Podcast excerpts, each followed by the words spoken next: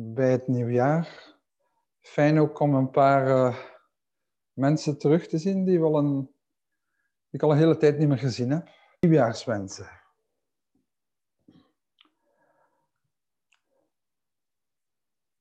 Vanuit de Zenzanger wensen wij al onze vrienden en leden van onze gemeenschap een vertrouwensvol 2021 toe.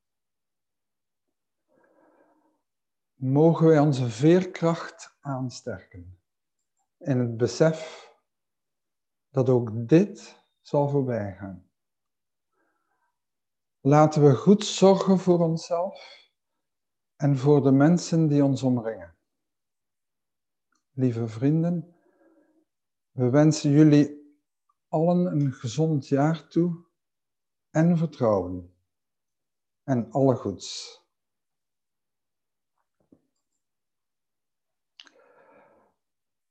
Ik weet het, het klinkt een beetje. Maar ja, het klinkt een beetje. Nu, het heeft een reden, lieve mensen. Uh, een paar weken terug kregen we vanuit onze interreligieuze groep en van onze schepenen van de stad Gent de vraag om een kleine nieuwjaarswens uit te spreken. En dus gisteren zijn ze gekomen om dat op te nemen. Ze zijn naar de zendo gekomen. Uh, ik denk, ik weet het niet, het is alsof Gent dat in navolging van Brugge heeft opgepikt. Hè? In Brugge hebben ze dat al een tijdje geleden gedaan. Hè? Mieke? Maar het verschil met Brugge was, lieve mensen, wij kregen 30 seconden om die wens te formuleren. En dan was het gedaan. Dus ik ben iets beginnen schrijven zo, maar ik heb dat dan eens getimed en ik zat dan meer dan twee minuten. Dus ik heb dat moeten samenbrengen en samenbrengen tot die zinnen die ik net gezegd heb. Dat was juist 32 seconden. Maar goed, dat is maar de aanleiding, lieve mensen. Want het punt is, toen ik deze week ging gaan zitten zo, van wat zou ik nu willen wensen aan de mensen? En aan de mensen niet alleen van onze gemeenschap, maar zo in het algemeen. Wat zou ik nu willen wensen? En voor mij waren er zo twee dingen die opkwamen daarin. En ze hebben op een bepaalde manier veel met elkaar te maken. Dus de notie en het vermogen tot veerkracht. Veerkracht. En ik heb het deze week met een paar mensen is dat ter sprake gekomen. En daar ga ik zo meteen iets meer over zeggen. Veerkracht en vertrouwen. Vertrouwen. En zo begin ik ook. Een vertrouwensvol 2021. Laten we vertrouwen hebben. Faith. Maar in de betekenis van, niet van geloofsovertuiging, maar in de betekenis van diep vertrouwen. Avoir confiance.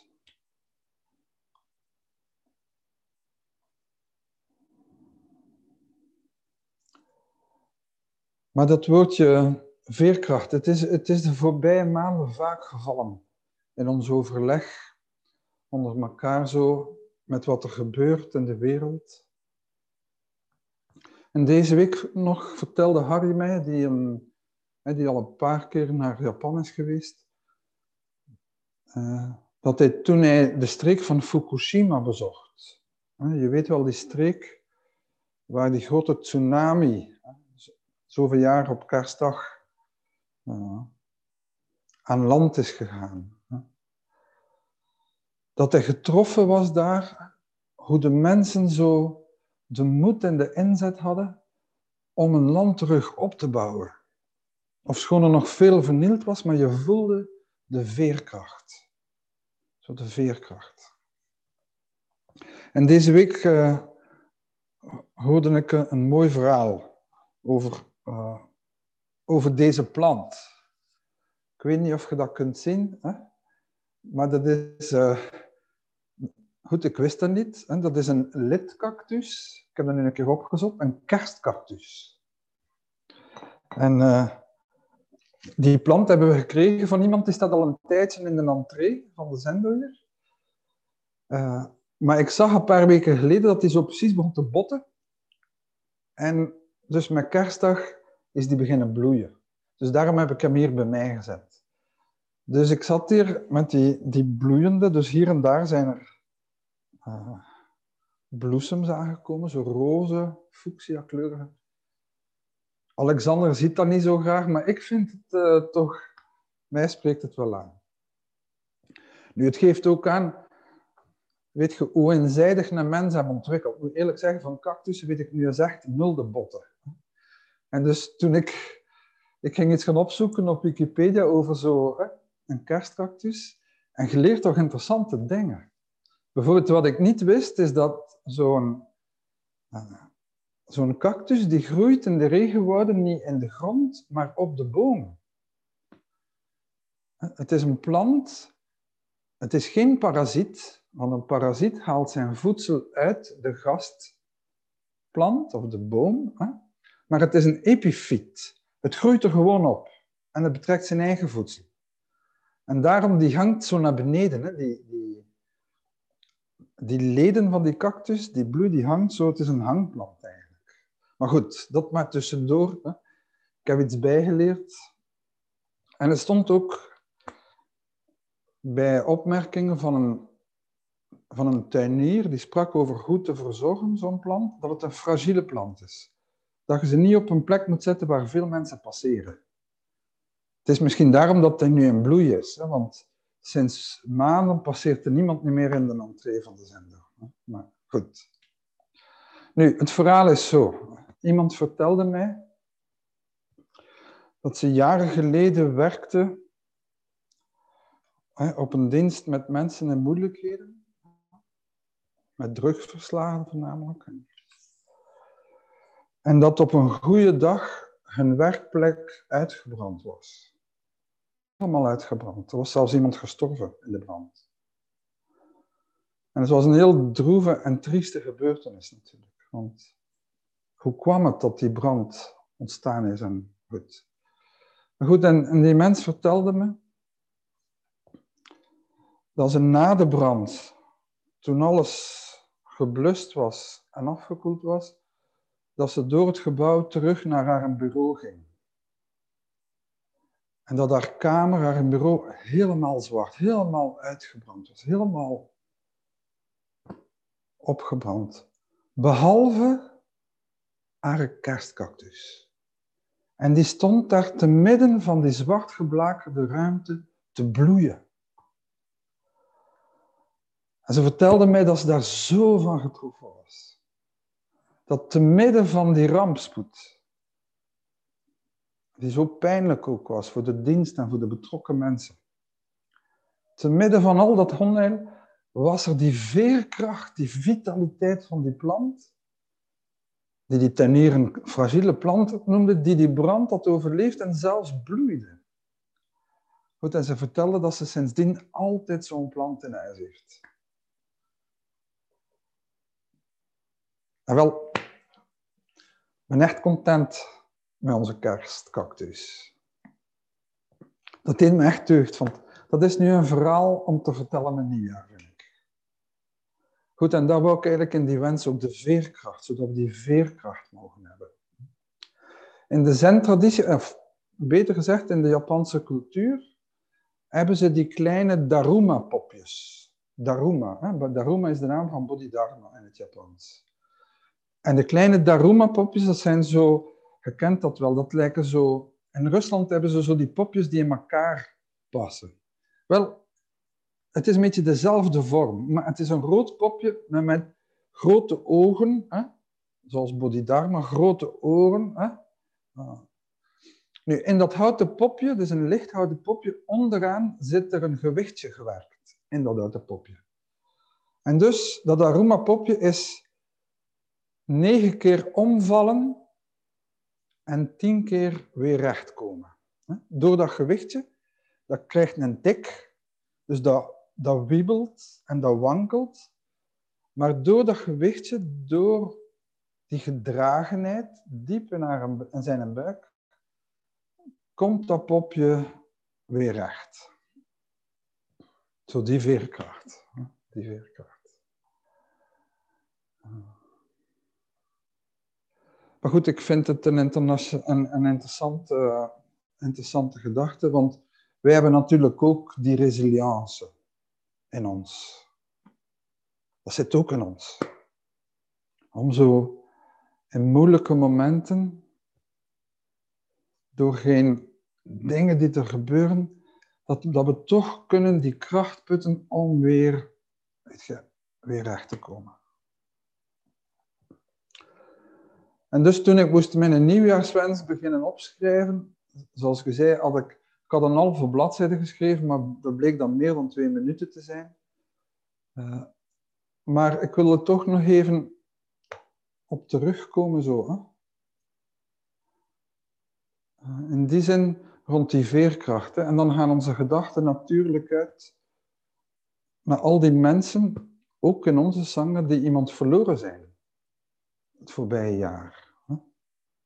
En binnenkort gaan we weer eens een dienst doen voor al de mensen die, die we kennen, die gestorven zijn. Maar het zijn er veel. Hè? We, hebben, we zitten aan tientallen en tientallen mensen die mensen van onze zangen kennen die gestorven zijn. En dus voor de mensen die achterblijven, we denken aan hen. Onze gedachten gaan ook uit naar de mensen die ziek zijn. Naar de mensen die eenzaam zijn. Die gedwongen alleen zijn. Want ook dat is iets wat leeft. En dat hoor ik toch regelmatig. Door de lockdown, door de maatregelen, dat we eigenlijk geen mensen zien. Onze gedachten gaan uit naar, naar hen met wie het niet goed gaat. En ook rond weerbaarheid en veerkracht naar al die mensen die zich nu inzetten voor het welzijn in onze samenleving. Uiteraard de mensen van de zorg. De mensen in het onderwijs. We hebben er verschillende in onze gemeenschap. Die nu in de ziekenhuizen of de woonzorgcentra staan. Of in het onderwijs, die zich echt over hun grenzen moeten gaan. Maar ook in het middenveld. Ook bij de overheid. Ik heb een goede kennis die bij de politie werkt. Ook daar is er, gebeurt er veel, moet er veel gebeuren. Moeten ze er zijn. En dan de talloze vrijwilligers, die zich zo belangeloos inzetten. En mogen we onze, onze veerkracht voeden. En onze weerbaarheid sterken. Hoe doen we dat, onze veerkracht voeden? Onze weerbaarheid aansterken. En dan schreef ik ook nog, mogen we helder zijn en onze aangeboren wijsheid vertrouwen. Onze innerlijke wijsheid vertrouwen en helder zijn. We weten vanuit onze ervaring met onze boeddhistische praktijk, we weten dat ook dit deze situatie niet zal blijven duren. De corona zal ook voorbij gaan, zoals het nu is. Dat is ook onze wijsheid vertrouwen. Het zal misschien blijven, hè? we horen dat. Sommige wetenschappers vermoeden dat die, dat virus zal blijven, maar we zullen ermee omgaan. En dus de situatie zal veranderen. Maar wijsheid is ook dat we onze verantwoordelijkheid nemen. Om samen solidair in de mate van het mogelijk de afspraken en de maatregelen te blijven volgen. En dat vind ik echt belangrijk. Dat we samen dat blijven volgen, want op die manier beschermen we onszelf en de mensen rondom ons. En misschien zijn niet alle maatregelen fijn afgesteld. Absoluut, er zijn mensen die veel schade en uh, afgescheidenheid ervaren door de maatregelen. Ik wil dat niet ontkennen. En toch meen ik dat het van belang is dat we daar samen zorg voor dragen. besef van de vergankelijkheid, het besef van solidair te zijn. En de wijsheid, tenslotte, heel belangrijk, van een goede zelfzorg. Dat we goed voor onszelf zorgen, dat we luisteren naar en doen wat nodig is voor ons eigen welzijn en welbevinden. Een goede zelfzorg, de wijsheid daarvan. En zo voeden we onze weerbaarheid. Om dan van daaruit, vanuit een goede zelfzorg, te kunnen luisteren naar en te zorgen voor de mensen rondom ons. Dat is wijsheid. Dat is ook wijsheid. Het is zoals in de vliegtuigen. Hè. Als je een vliegtuig neemt, dan zeggen ze al altijd die surreële boodschappen, vooral als het vliegtuig zou mankeren. Als het zuurstofmasker valt, moet je het eerst je eigen aandoen en dan de andere helpen. Wel, een, een goede zelfzorg is een vorm van wijsheid. Een gezond jaar met perspectief en vertrouwen. Er is perspectief.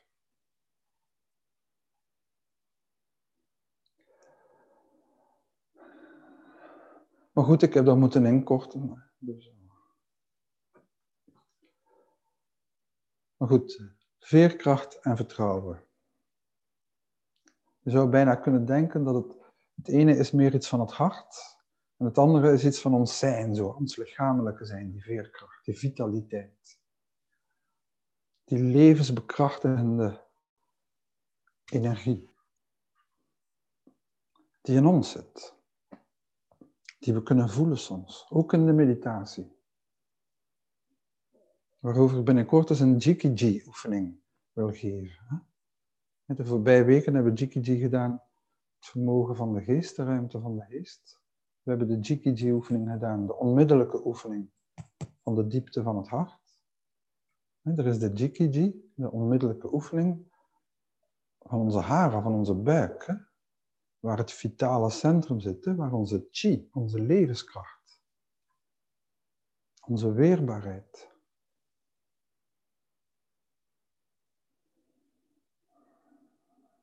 soms voelbaar is. Hè? En die we kunnen voeden.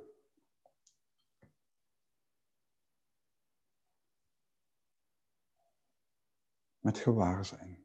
Daar ligt de sleutel. In gewaarzijn voeden we onze levenskracht, die gegeven is. Maar in gewaarzijn voeden we hem.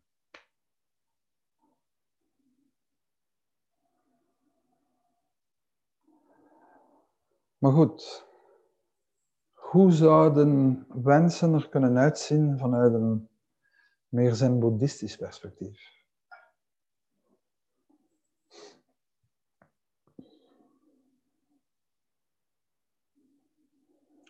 En deze week was ik geïnspireerd door een korte, korte tekst van meester Dogen.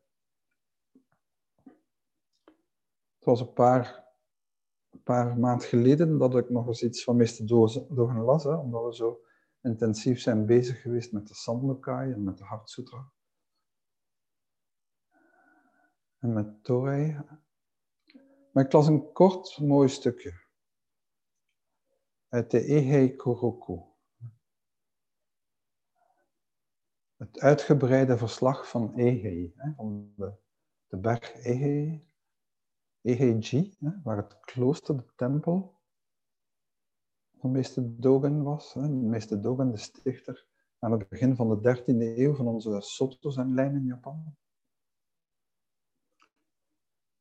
En Dogen heeft, Dogen Zenji heeft veel geschreven. En dus een jaar of tien geleden is een dikke bundel vertaald van opgetekende woorden.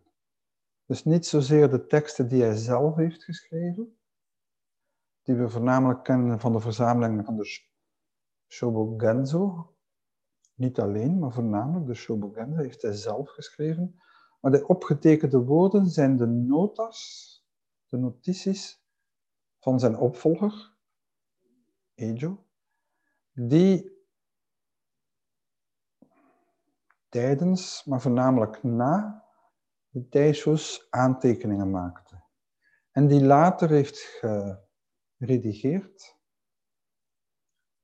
en verzameld heeft in de uitgebreide, opgetekende, het uitgebreide verslag van opgetekende woorden van Ehe. En daar leren we een beetje een andere leraar kennen. Dat is, vaak zijn die verslagen wat informeler, wat losser, veel directer ook, dan die meer literaire teksten van de Shobokenzo. En hier is een fragment dan dat heet De grote weg gaan. De grote weg gaan. Het is een kort stukje. Het is een hogo. Hogo betekent dharma-woorden, geschreven dharma-woorden. Het zijn briefjes die meester Dogen soms stuurde of gaf aan specifieke studenten met instructies voor de praktijk. Het zijn dus letterlijk geschreven dharma-woorden. En het komt uit deel 8 van de Eihei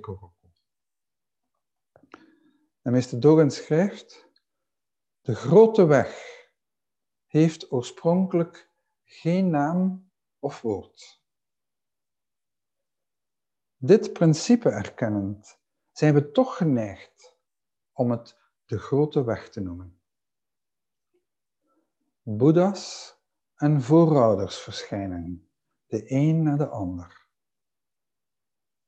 De houten man en de ijzeren stier volgen elkaar op de hielen opklimmend en afdalend. Maar zij laten voor ons geen zichtbaar spoor na.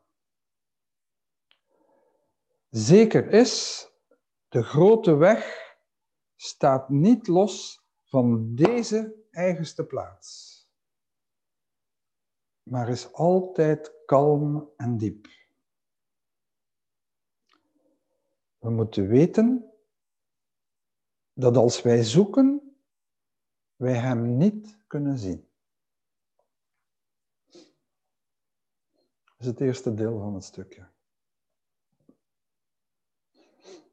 De grote weg, gang.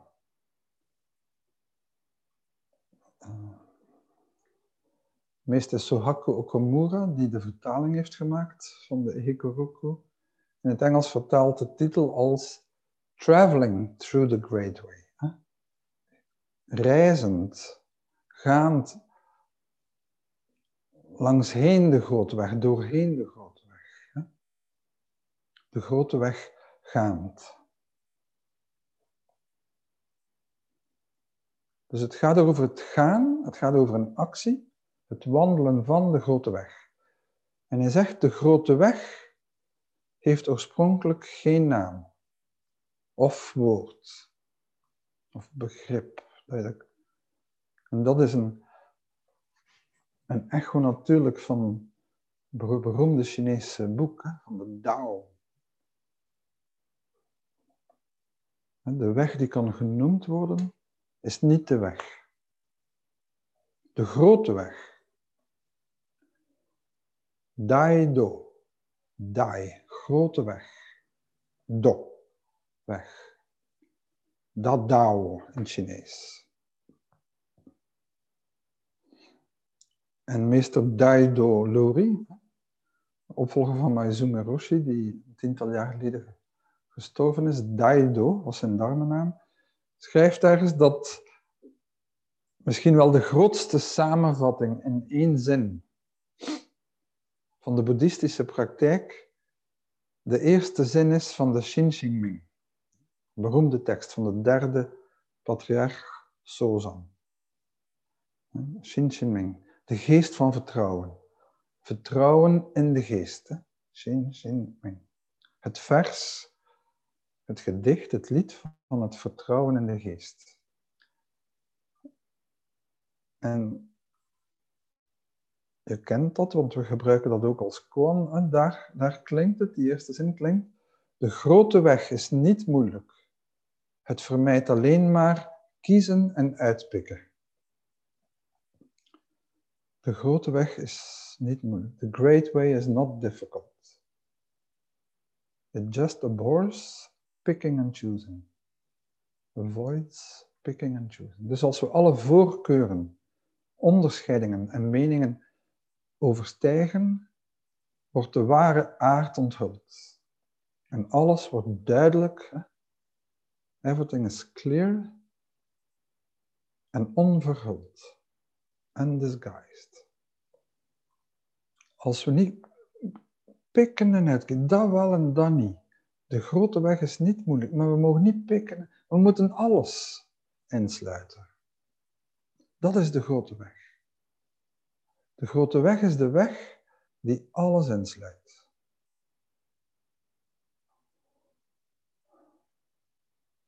En heeft oorspronkelijk geen naam. Je kunt het niet benoemen. Je kunt het niet beschrijven. Je kunt het niet definiëren. Als we dit principe erkennen, blijven we toch geneigd om het de grote weg te noemen. Ik besef wel dat je het niet kunt benoemen, maar toch wil ik het graag de grote weg noemen. Boeddha's en voorouders, zij die ons zijn voorgegaan, verschijnen de een na de ander op de weg. Als we de grote weg gaan, zegt Dogen, dan verschijnen Boeddha's en voorouders. Dat zou dat willen zeggen als we werkelijk de grote weg gaan, dan komen we voortdurend dingen tegen die mensen die ons zijn voorgegaan, mensen die ontwaakt zijn, boeddha's, komen voortdurend getuigenissen, stukjes, frases, acties, handelingen die ons refereren. Ah ja, dit is de grote weg natuurlijk. Die heeft dat gezegd. Genno heeft toen dat gedaan. Siddhartha deed toen dat of zei dat. Bernie liet dat zien. We zijn voortdurend op de grote weg, geïnspireerd, gevoed door zij die ons zijn voorgegaan. Tenkai Denson zei dit.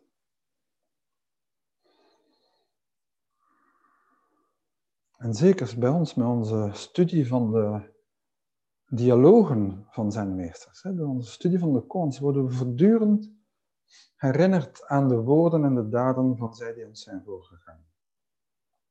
Ze verschijnen de een na de ander. De houten man en de ijzeren stier volgen elkaar op de hielen opklimmend en afdalend. De houten man, de wooden man. De houten man. De houten man is een beoefenis, een beeld, een symbool voor de beoefenaar die vrij is van de onderscheidmakende geest. Een geest die onderscheid maakt tussen dat en dat, tussen licht en donker, goed en slecht, verlicht en niet verlicht. Dat is iemand die in die dualiteit voortdurend kiest. De houten man, soms wordt hij genoemd de houten pop. Het is een houten pop. Hij trekt aan een draadje en hij beweegt. Zoals een marionet. Hij beslist zelf niet, er wordt aan hem getrokken en hij beweegt. Hij doet. Het is een beeld wat ook in de transmissiedocumenten terugkomt. De houten man. De stenen vrouw en de houten man. Ze beginnen te dansen. De ijzeren stier symboliseert de onwrikbare, onwankelbare vastberadenheid. De ijzeren stier. De houten man volgen elkaar op de hielen. Omhooggaand, opklimmend en afdalend. Naar beneden gaan. Onze weg klimt op, gaat op de berg en dan komt van de berg. Heb ik al vaak verteld. Hè? Unsui. Realiseren van het absolute en dan verwerkelijken van het inzicht in het relatieve, in de vallei. Maar, schrijft Ogen, zij laten voor ons geen zichtbaar spoor na. Die Boeddha zijn voorouders. Die houten man, die ijzeren stier. We moeten zelf de sporen zoeken. Zij kunnen ons niet de sporen aanreiken. En sporen zijn niet zichtbaar. We moeten zelf de weg ontdekken. We worden geïnspireerd, maar de aanwijzingen moeten we zelf vinden. En sowieso zal het anders zijn. Zeker is, schrijft Owen, de grote weg is niet los van deze eigenste plek. De grote weg de grote weg loopt niet los van deze eigenste plek. Deze eigenste plek.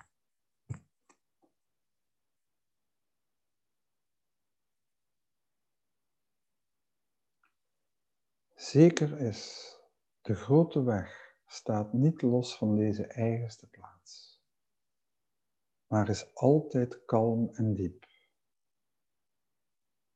Is altijd kalm en diep.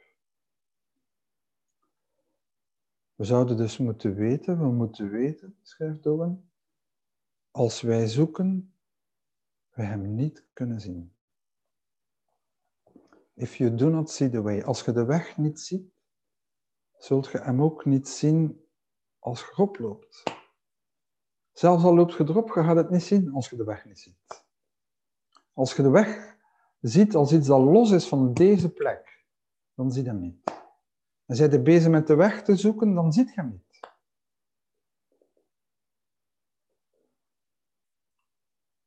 Want het stukje gaat verder. En Dogen schrijft, lang geleden vroeg een monnik aan Isan, wat is de weg? En Isan antwoordde, jij bent het.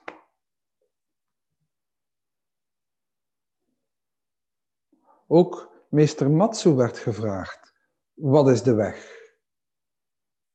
En Matsu zei, de gewone geest is de weg. En ooit ook vroeg een monnik aan een oude meester, wat is de weg? En hij zei, dat waar je doorheen bent gegaan, is de weg. En Dogen vraagt zich af, zeggen deze gezegden van deze drie meesters uiteindelijk hetzelfde of zijn ze verschillend? De grote weg. Je kunt hem niet noemen. Je kunt hem niet grijpen. Boeddha's en voorouders zijn ons voorgegaan. Het vraagt te stoppen met onderscheidmakende geest en een onwankelbare vastberadenheid. Want er is geen spoor. De grote weg staat niet los van deze eigenste plek. Ze is diep en kalm.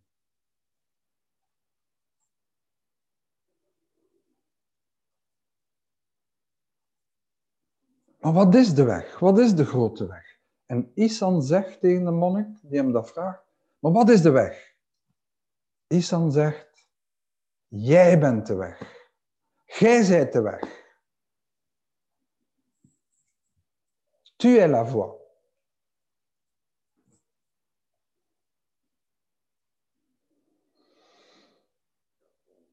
Isan zegt, er is geen weg los van uw bestaan. Uw leven is de weg. Gij zijt de weg.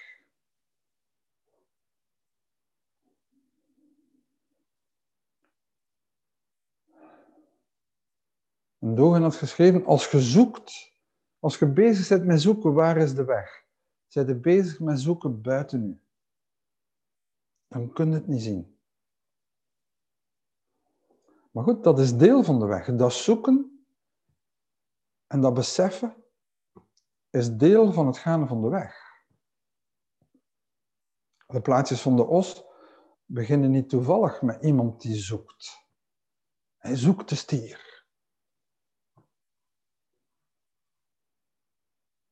Hij zoekt de weg.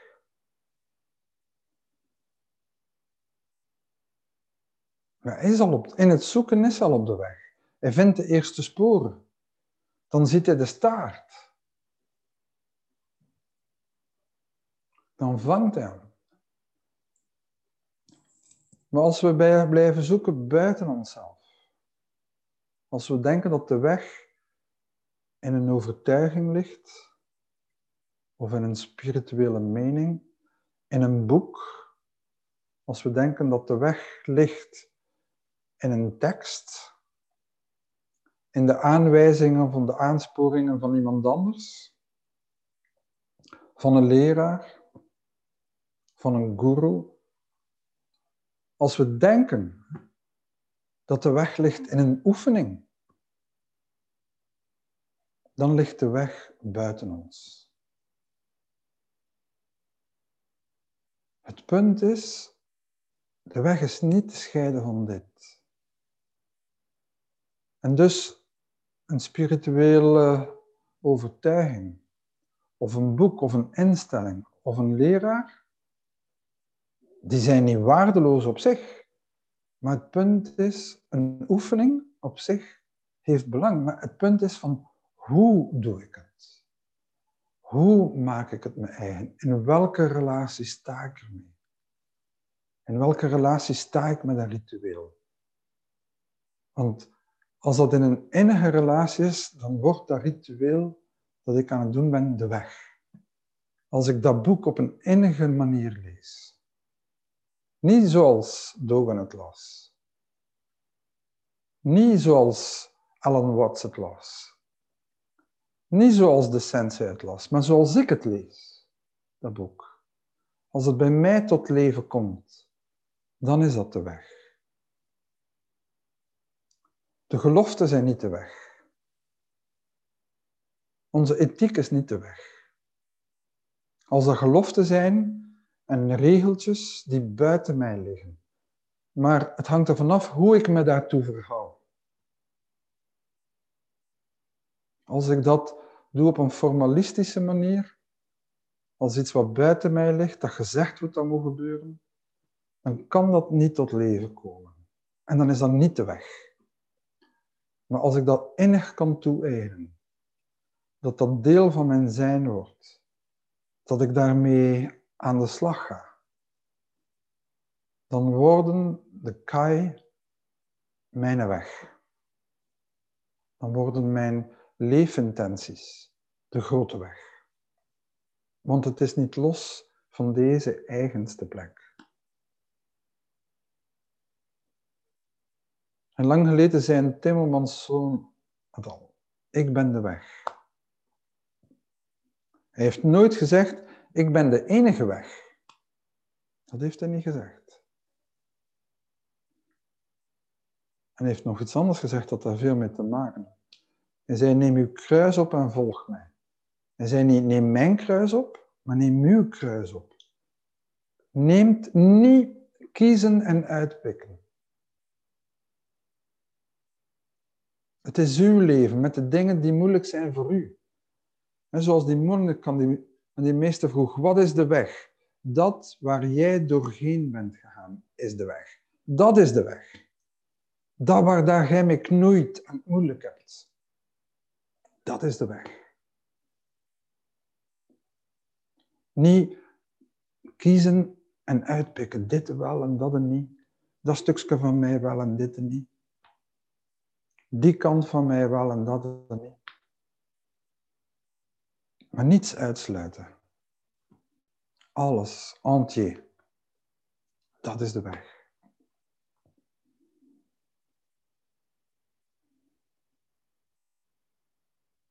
En ze vroegen aan meester Matsu, wat is de weg? En Matsu zei, de gewone geest is de weg. De gewone geest.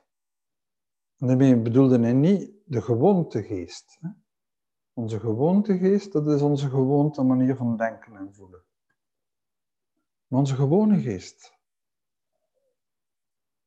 zoals zij is, zoals zij functioneert. Het is niet bewustzijnsverruimende ervaringen. Het zijn geen mystieke belevenissen. Het zijn geen uitzonderlijke psychische staten. Het is de gewone geest zelf. Met zijn ruimte, met zijn vormloze vorm, met zijn ruimte van gewaarzijn en met zijn objecten van gewaarzijn, met zijn kristallisaties in gedachten en gevoelens. De gewone geest, dat is de weg. Alles van de gewone geest.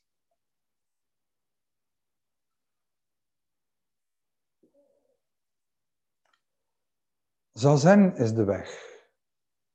Indien zazen alles insluit van dit. Op zich, meditatie gaat niet veel doen. Maar als het de meditatie toegeëigend wordt, als er geen scheiding meer is tussen ik en de meditatie, dan is dat de weg.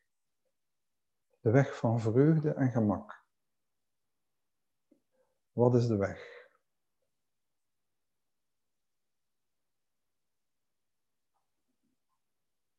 Gati, gati, paragati, parasamgati. Het is gaan. Het is gaan. Het is voorbijgaan. Het is helemaal voorbijgaan. Voorbijgaan aan het voorbijgaan. Zoals Tom zei. En daarom hou ik ervan om van te zingen en ik ga erop terugkeren binnenkort. Gati, Gati, Paragati, Parasamgati. Want voor mij die mantra van de Hartsutra, voor mij betekent die, is dat een andere uitdrukking van de weg. Van het gaan. We zijn in beweging. Wij gaan. Gaan, gaan. De bodhicitta de eerste stap, het eerste gaan, de bodhicitta wordt wakker gemaakt, wordt opgeroepen, rijst op. Het verlangen om te oefenen, het verlangen om te ontwaken. Het verlangen ook om dienstbaar te zijn. Rijst op. Hoshin. En dan gaan we de weg. We starten de beoefening. De praktijk, Shugyo. We zijn gewaar, we verhelderen. We oefenen. Dat is het tweede gaan. Gati, de geest van ontwaken oproepen. Mededogen oproepen. Gati, oefenen, praktijken, gewaar zijn. Paragati, voorbijgaan. Realisatie, body. Ontwaken. We gaan voorbij. We zien dat alles leeg is. We zien de eenheid. We zien de non-dualiteit. We gaan voorbij het zelf. We zien de verbinding. We ontwaken tot de werkelijkheid zoals zij is. Inzicht. Paragati, we gaan voorbij. En dan vier, zo belangrijk. En dat is de reden waarom ik van Zen hou. Dat die vierde stap daar is. Parasamgati. Helemaal voorbij gaan ook aan het voorbijgaan voorbijgaan.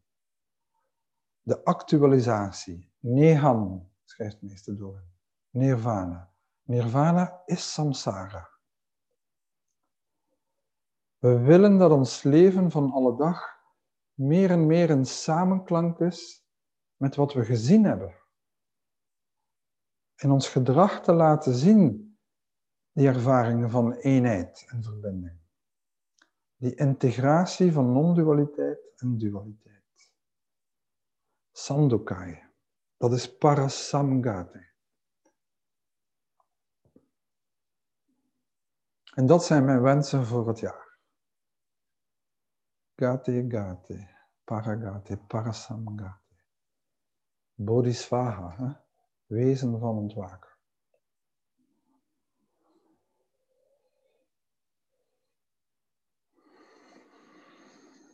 Zo lieve mensen. Ik heb geprobeerd aan de hand van het verhaaltje van meester Dogen, zijn drie citaten, zijn drie sprokkels, iets te vertolken van mijn wensen voor ons, voor onze sangen, voor onze mensen, de mensen. De grote weg heeft oorspronkelijk geen naam of woord. Dit erkennend zijn we toch geneigd om het de grote weg te noemen. Boeddha's en voorouders verschijnen de een na de ander. De houten man en de ijzeren stier volgen elkaar op de hielen, opklimmend en afdalend. Maar ze laten voor ons geen zichtbaar spoor na. Zeker is de grote weg staat niet los van deze eigenste plek, maar is altijd kalm en diep. We moeten weten dat als wij zoeken, wij Hem niet kunnen zien. Lang geleden vroeg een monnik aan Isan, wat is de weg? Isan antwoordde, jij bent het. Ook meester Matsu werd gevraagd, wat is de weg? Matsu zei, de gewone geest is de weg. Ooit ook vroeg een monnik aan een oude meester, wat is de weg? De meester antwoordde, dat waar jij doorheen bent gegaan, is de weg.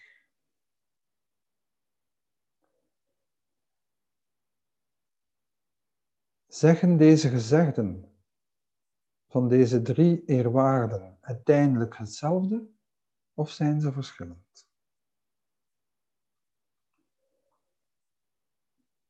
Gati, gati, paragati, parasamgati. De geest van ontwaken en mededogen laten oprijzen. Gati. Oefenen, praktijk, gati. Voorbijgaan, realiseren, inzicht. Paragati. Helemaal voorbijgaan, integratie van het absolute en het relatieve. Parasamgati.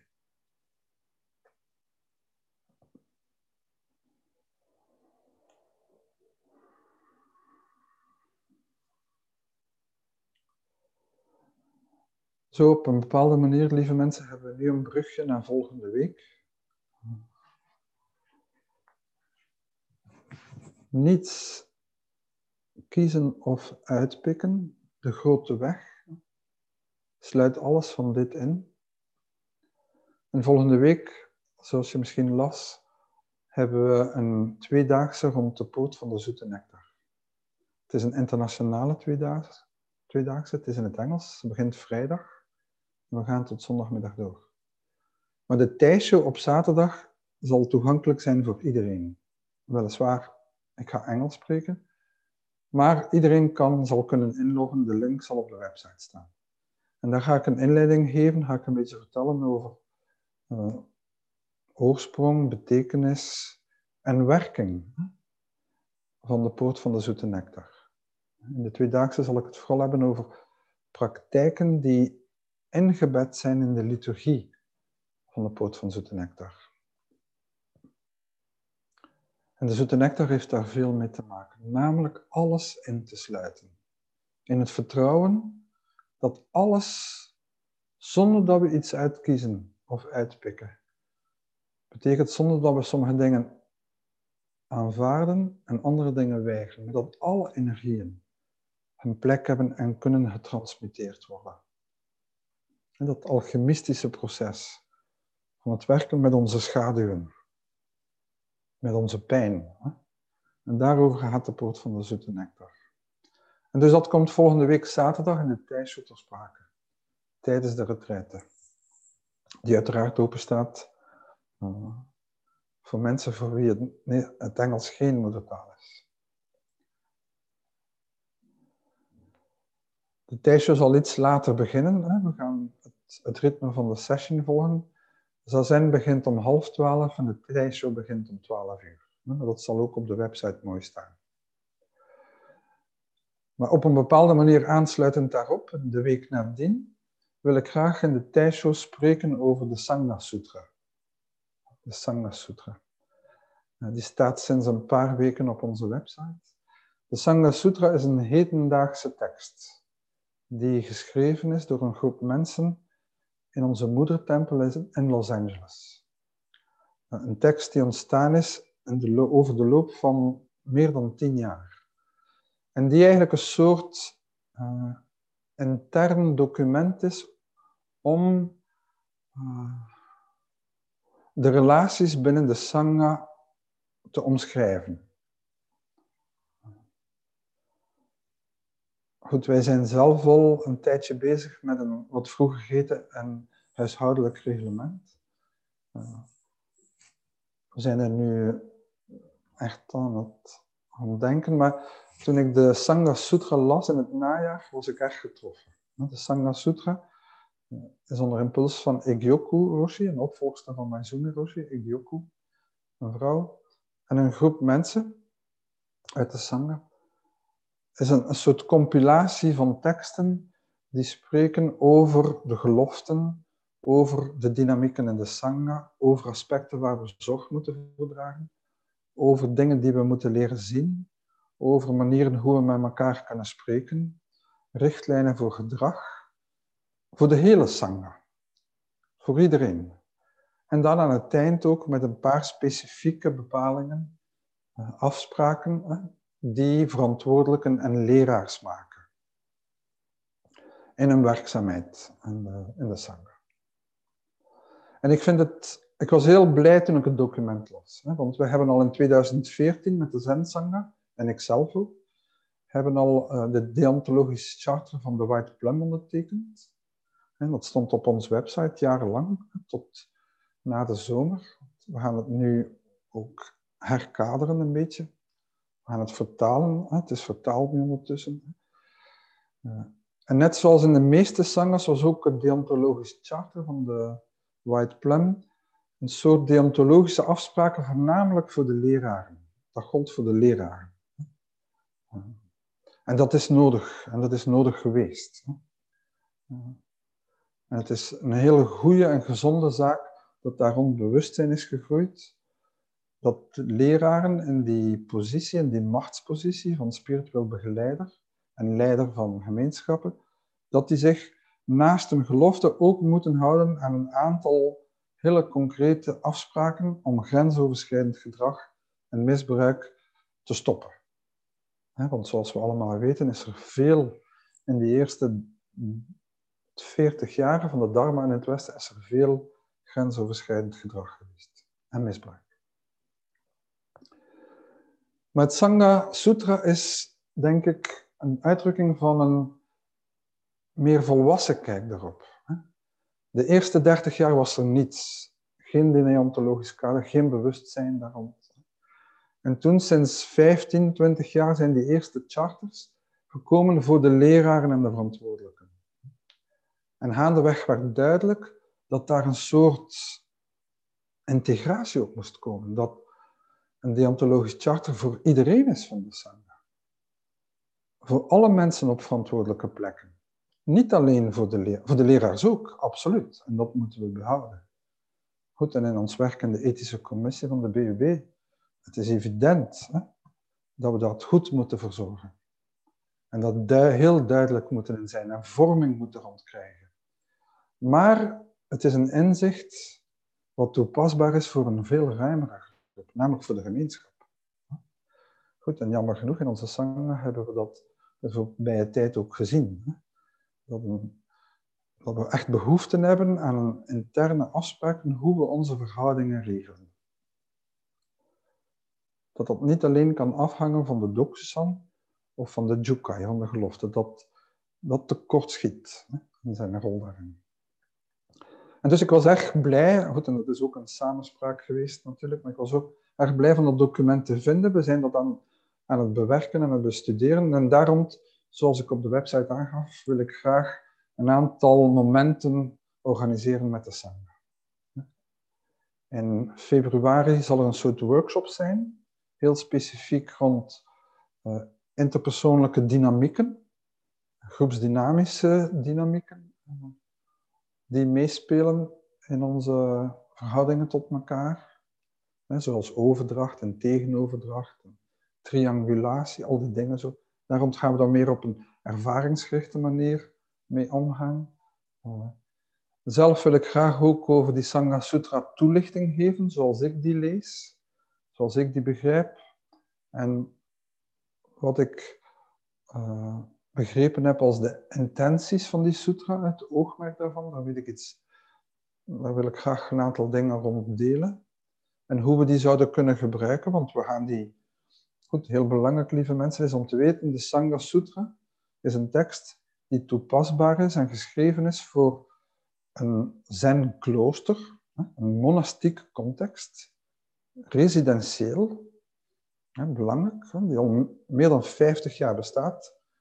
Eh, dat is een andere context dan onze lekensangha hier, die niet residentieel is, die op een hele andere manier functioneert. Het is ook, we zijn een Europese cultuur, die is anders dan Amerikaanse gevoeligheden. Dus we gaan die tekst moeten bewerken. We gaan die tekst ook uh, korter maken, ongetwijfeld. Maar ik denk dat het een mooie oefening is om daar een tijd lang mee bezig te zijn, ook in het kader van het feit dat er een grote groep mensen de geloften overweegt. De geloften komen ook ter sprake in de Sangha Sutra. Dus dat zal interessant materiaal zijn, ook voor de mensen die uh, Chukai willen doen, ook voor de verantwoordelijken van de lokale groepen. Uh, want die zullen uiteraard ook gevraagd worden van het interne document te aanvaarden. Hè? En dus, ik wil daar graag binnen 14 dagen uh, in de tijdshow over spreken. En in de namiddag zal het dan een studiegroep zijn daar rond, rond die Sangha Sutra. Dus in de namiddag gaan we twee uur uittrekken. Een studiegroep, het zal een overleg zijn, een soort consultatie. De mensen die dat gelezen hebben, uh, mensen die daar vragen over hebben, opmerkingen over hebben. Dat zal een ronde zijn van gezamenlijk overleg, om zo te horen wat er in de sangha rond die tekst, rond die benadering leeft. Dat zal de eerste keer zijn, dus binnen 14 dagen op zaterdagmiddag, 23 januari. S'morgens dus in de Taisho over de Sangha Sutra. In de namiddag overlegmoment, studiemoment. Eh, ook op Zoom zal dat zijn. Het is zeker de bedoeling van dat ook nog een tweede keer te doen. Hè? Overlegmoment daar rond. We zijn zelf ook intern bezig om dat te bespreken en te bekijken. Uh. En dan op donderdag 28 januari is het volle maan, uh. Dan willen we graag op donderdag voormiddag na de zazen van 9.30 uur, 10 na 10, wil ik graag opnieuw, zoals vorige maand, de volle maanceremonie doen. Uh, dus namiddags doen we de volle maanceremonie in onze Franstalige groep. En dan doen we op vrijdag namiddag studiegroep in het Frans met onze Franstalige groep rond de Fusatsu-ceremonie. Dus op vrijdag namiddag uh, 29 januari, gedurende anderhalf uur, na een half uur zazen, zal ik een beetje inhoudelijk, historisch, de Fusatsu-ceremonie, wat een zeer mooie ceremonie is, denk ik, een beetje duiden zo, een beetje les over geven, een studiemoment. En dan de dag nadien, op zaterdag 30 januari, hebben we een gastlerares. Dus vanaf dit jaar ga ik regelmatig via de Zoom uh, een gastleraar of lerares uitnodigen die op zaterdag uh, van onze Zen Sangha Zoom uh, gebruik maakt om een onderricht te presenteren. Ik heb al verschillende mensen gecontacteerd daar en toezeggingen gekregen. En als eerste zal Corinne Sensei uit Duitsland, uh, Joie Partagée, zoals haar naam is, Corinne Sensei, zal een onderricht aanbieden over the feminine aspect of the Buddha families. Dus de week voordien doen wij de studie van de Buddha families in het kader van de Poort van Zoete Nectar. En de week nadien zal Sensei spreken over de Daikinis. Die vrouwelijke metaforen, van die vrouwelijke aspecten van de Boeddha-wijsheden. En daarop is uiteraard iedereen van harte, van harte welkom. Dat zal ook uiteraard in het Engels zijn, niet in het Duits. Ik hoop dat, uh, veel mensen dat mogen interessant vinden en dat we mogen profiteren van het onderricht uh, van Corinne Sensei daar De volgende dag, dat zal ik ook aangeven, zal ik zelf een gastleg geven op hun Zoom-kanaal. Dus op een Zoom, uh, dat is dan op zondag. Goed, en ik zal dan spreken over een boeddhistische, zen-boeddhistische kijk op het Lam Gods. Ga ik eens tijd nemen om een paar dingen daarover te vertellen voor uh, onze vrienden van de Duitse Sangha. Maar dat zal ook openstaan voor mensen van onze Sangha, dat zal ook in het Engels zijn. En zoals gezegd, dan midden februari hebben we die workshop. En zo staat er veel op stapel. Uh, binnenkort zal u alles kunnen vinden op onze website van die data. Uh, en kunnen we dit nieuwe jaar, kunnen we deze weg, deze grote weg, samen bewandelen doorheen onze praktijken. Zo, lieve mensen. Ik heb veel te lang gebabbeld. Uh, ik hoop dat je nota kunnen nemen hebt. Uh, en ik hoop dat het uw praktijk mag inspireren en het besef dat de sporen die nalaten voor uw weg in feite zullen oplossen. Maar ondertussen hebben we het toch gehad. Um, Roshi, ik heb een vraag. Kunnen wij die, nieuwjaars, kunnen wij die nieuwjaarstoespraak... Hm? Um, ik heb een vraag. Kunnen wij die nieuwjaarstoespraak ergens bekijken of beluisteren? Ja, dus uh, het, is een, het is opgenomen op video. Het wordt gecompileerd tot een, een korte uitzending die dan op het uh, kanaal van de stad Gent en op Facebook wordt geplaatst. Normaal rond de 15e januari. We mogen dat eerst zelf een keer bekijken of dat een beetje... Uh, maar in principe rond 15 januari wordt dat publiek. Het zou ook bij AVS komen. Maar ik ga zeker zijn links zetten op de website, ook om onze vrienden van de andere groepen te kunnen, uh, kunnen horen. Dat is onze moslimvrienden, onze protestantse, katholieke, onze humanistische vrienden ook. Hè. En dat wil ik toch wel even vermelden. Hier in de werkgroep in Gent, de interlevensbeschouwelijke werkgroep, doen onze vrijzinnige vrienden ook mee. Dat is sinds een aantal jaar en dat is in Vlaanderen uniek. Dat een interreligieuze groep heeft zich omgevormd tot een interlevensbeschouwelijke werkgroep. Zo, lieve mensen, dank u wel. Ik hoop van jullie binnenkort terug op onze Zoom te mogen zien. Ik hoop vooral dat we elkaar binnenkort in levende lijven weer kunnen zien. Hè? Maar goed, we zullen zien. Dank u vriendelijk.